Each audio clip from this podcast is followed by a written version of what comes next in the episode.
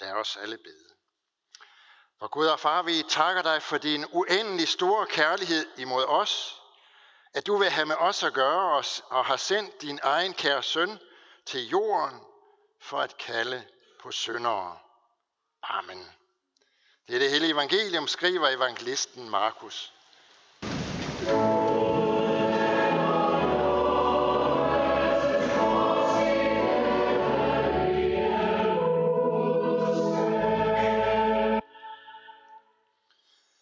Jesus gik videre, og så han Levi, Alfæus' søn, sidde ved tolvboden, og han sagde til ham, følg mig.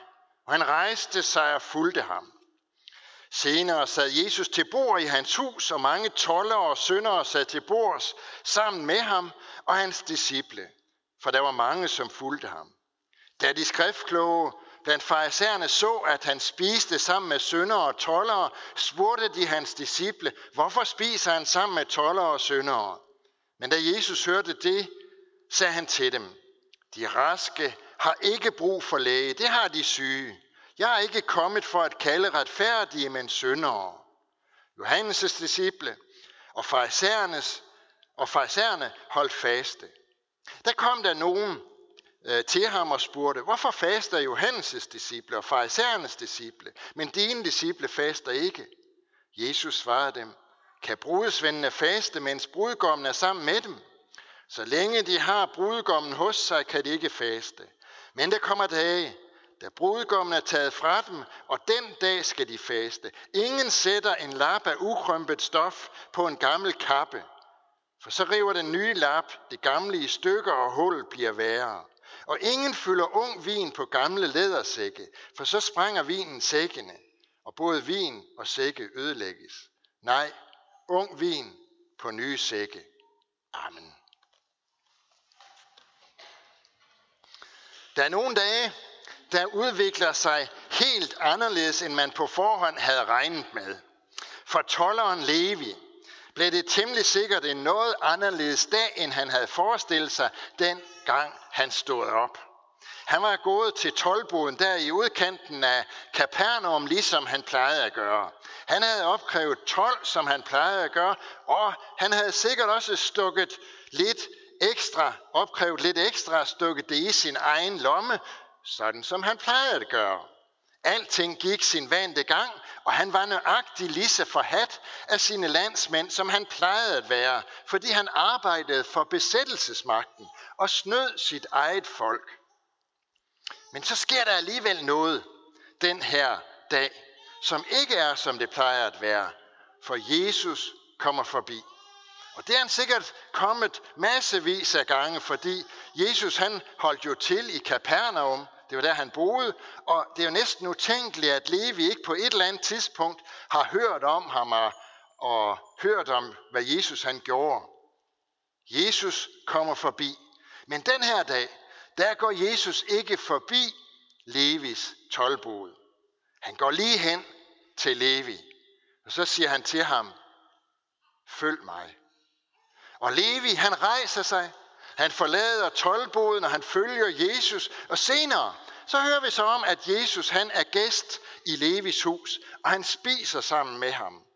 Og så er det, at de falder de skriftkloge for brystet, at Jesus, han vil have fællesskab med tolleren Levi, ja, at han ligefrem vil have så stort fællesskab med ham, at han går ind i hans hus, og at han spiser sammen med ham.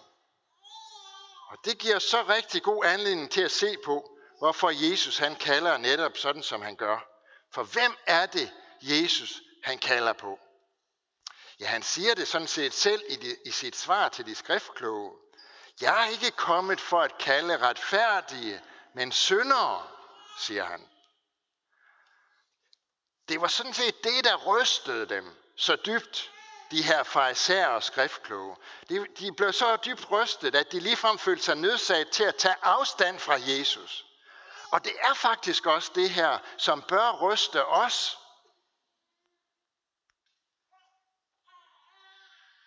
Når Jesus han siger sådan her, fordi så, øh, det som Jesus han siger, det er jo, at han ikke kommet for at kalde på dem, som anser sig selv for at være retfærdige. Han er ikke kommet for at kalde på dem, som som mener om sig selv, at de kan egentlig godt klare deres forhold til Gud. Han er ikke kommet for at kalde på dem, som lever det pæne liv, og i hvis liv der ikke er sådan noget nævneværdigt at sætte og pege fingre af. Han er ikke kommet for at kalde på dem, som siger om sig selv, at de i hvert fald de ikke er værre end andre. Jesus er ikke kommet for at kalde på dem, som forstår at leve det religiøse liv og opføre sig sådan, som man nu engang bør opføre sig, når man regner Gud med i sin tilværelse. Nej, han er kommet for at kalde på syndere. Det var det, Jesus han viste i praksis den dag, han kaldte på Levi. For hvem var han denne Levi? Ja, han var altså toller, og øh, der var som nævnt ikke helt, det var som nævnt ikke helt øh, så velanskrevet dengang at være ansat ved toller skat, som det er i dag. For det indebar netop muligheden for, at man kunne opkræve lidt ekstra, lidt rigeligt, og så supplere sin egen indkomst af den vej. Og det har han uden tvivl gjort, denne Levi. Han har sikkert været et bundværst menneske, som kun har haft et mål i livet, nemlig at skrabe så meget til sig som muligt af denne verdens rigdom.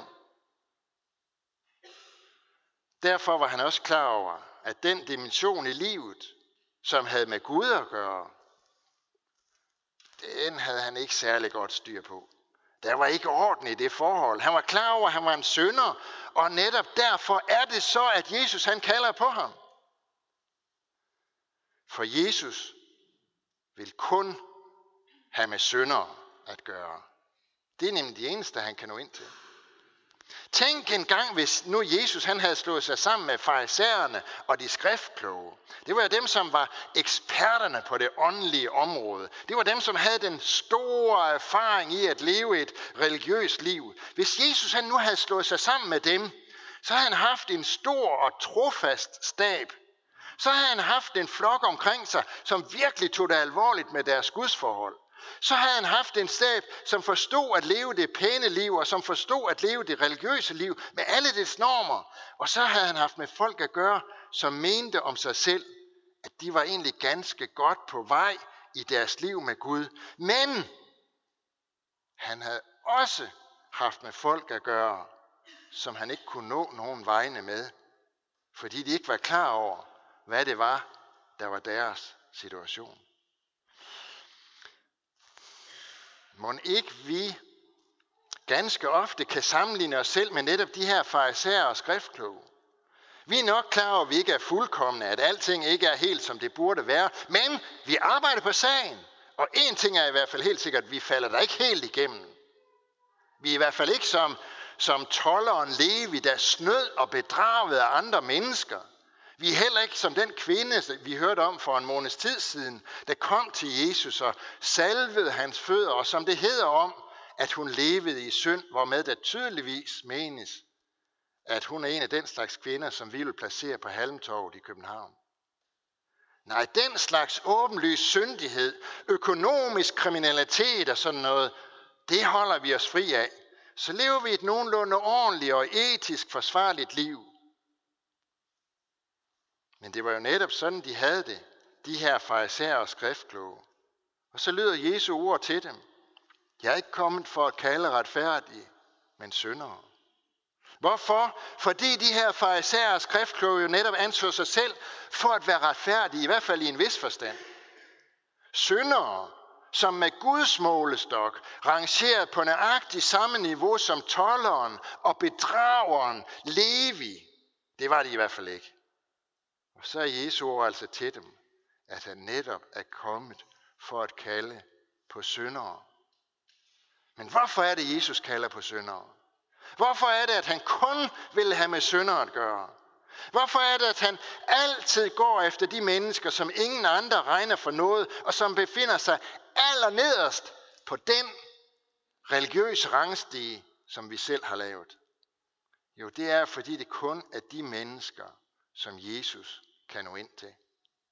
Det er fordi det kun er de mennesker, eller det menneske, som ser sig selv som en helt igennem fortabt synder, der også ser, at uden Jesus, så er der intet håb om nogensinde at få styr på forhold til Gud og få et ret forhold til ham.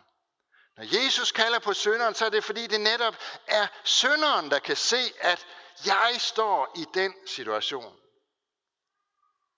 Det er den situation, som egentlig blev beskrevet ganske godt for os i det, som jeg læste op fra alderet for lidt siden. Han trak mig op af undergangens grav, op af slam og døn. Han satte min fod på klippen, så jeg stod fast. Det er jo præcis, hvad Jesus gør for mennesker, som David her i salme 40 beskriver for os. At han trækker os op af undergangens grav. For det er et hvert menneskes situation uden Jesus. At vi billedligt talt sidder fast i et hul fyldt med slam og døn. Det hul, det er vores synd mod Gud. Hvad enten vi ser den og erkender den eller ej. Og det hul, det bliver netop til undergangens krav for os, hvis ikke Jesus trækker os op af den. Jeg kan ikke lade være med at tænke på en øh, situation for en del år siden, hvor den russiske ubåd Kursk var havnet på Barentshavets bund. Og dernede i den her ubåd, som var sunket dernede på bunden af Barentshavet, der sad over 100 russiske søfolk, og flere af dem har ganske sikkert været eksperter inden for deres område, været ansete folk, haft stor erfaring med ubådsdykning og alt muligt andet. Det kan have været de klogeste hjerner og de bedste folk, der sad dernede. Men lige lidt hjalp det alt sammen, for kom der ikke hjælp ovenfra, så var de ganske fortabte, disse mennesker, og så kunne, se, så kunne de se den visse død i øjnene. Og sådan gik det desværre også. Senere så har Thomas Winterberg lavet en spillefilm over katastrofen her, og den hedder netop Kursk, øh, den her film. Hvor uhyggeligt den lyder, hvor skræmmende det end er, så er det jo netop det, der er menneskets situation. At hvis ikke Jesus trækker os op af undergangens grav, så er vi fortabte. Så kan vi sidde ind med al den religiøse fromhed og ekspertise og erfaring, som det skal være. Vi kan fremvise det perfekte liv, som ingen kan pege fingre af. Og det hjælper os alligevel ikke det mindste, for der er kun én løsning på problemet. Og det er, der kommer hjælp fra oven.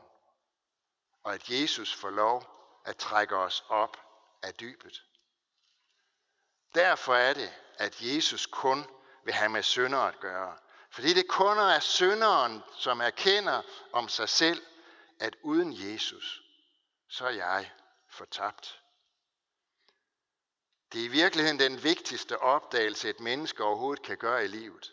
Sådan var det for 2000 år siden. Og mange ting er ændret i verden siden dengang. Vi har et helt andet verdensbillede i dag. Men lige præcis det her er det ikke ændret på. Ikke det mindste.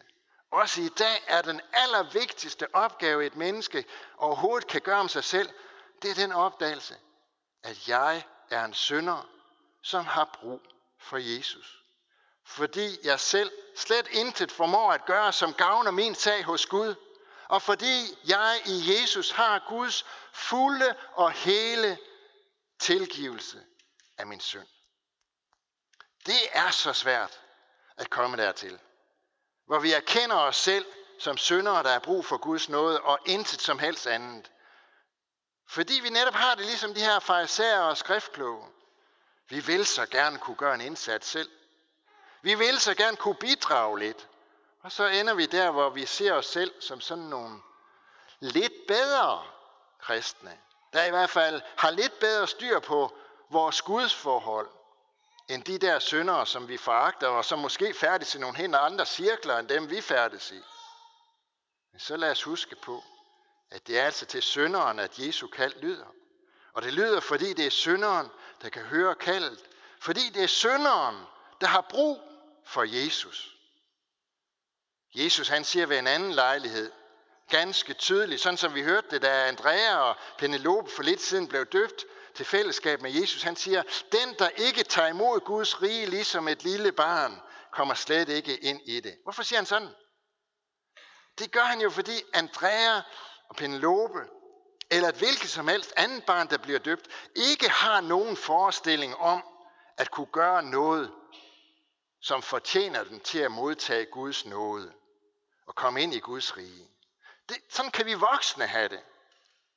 For vi tror, at vi på en eller anden måde skal gøre os fortjent til det. Men her er det altså, at Jesus han siger, at det er os voksne, der skal lære af de små børn. Også de to små børn, som er blevet døbt i dag. For de bilder sig ikke ind, at de kan fortjene sig til noget hos Gud. De er kommet i dag, og de tager imod det, som Gud han har til dem. Selvom vi ikke kan se det, hvad der skete ved døbefonden og hvad de fik der, så tager de imod det fra Gud. Derfor gælder det ikke om, at vi efterligner Levi i hans syndighed, men det gælder om, at vi efterligner ham i hans erkendelse af, at han er en synder, der har brug for Jesus. Og når vi gør det, så er det fordi Jesus kald har lyttet til os. Og så lyder hans videre kald os til os. Følg mig. Følg mig. For det er stadigvæk hans kald, selvom det står helt i modsætning til de røster, som ellers lyder i verden i dag, hvor det lyder, følg dig selv. Følg det, som du synes er godt, og som gør livet behageligt for dig. Følg det, som du har lyst til. Jesu kald til os, det er helt anderledes.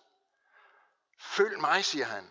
Og at følge Jesus, det betyder som Levi at begynde et helt nyt liv. For at følge Jesus, det medfører også en radikal ændring af tilværelsen. Det betyder nemlig en ny målsætning i livet og et nyt livsindhold. Det, som Jesus kalder os til, det er nemlig ikke at pynte lidt på det gamle fromhedsliv, hvor vi har satset på ikke at falde helt ved siden af, ikke være værre end de andre osv.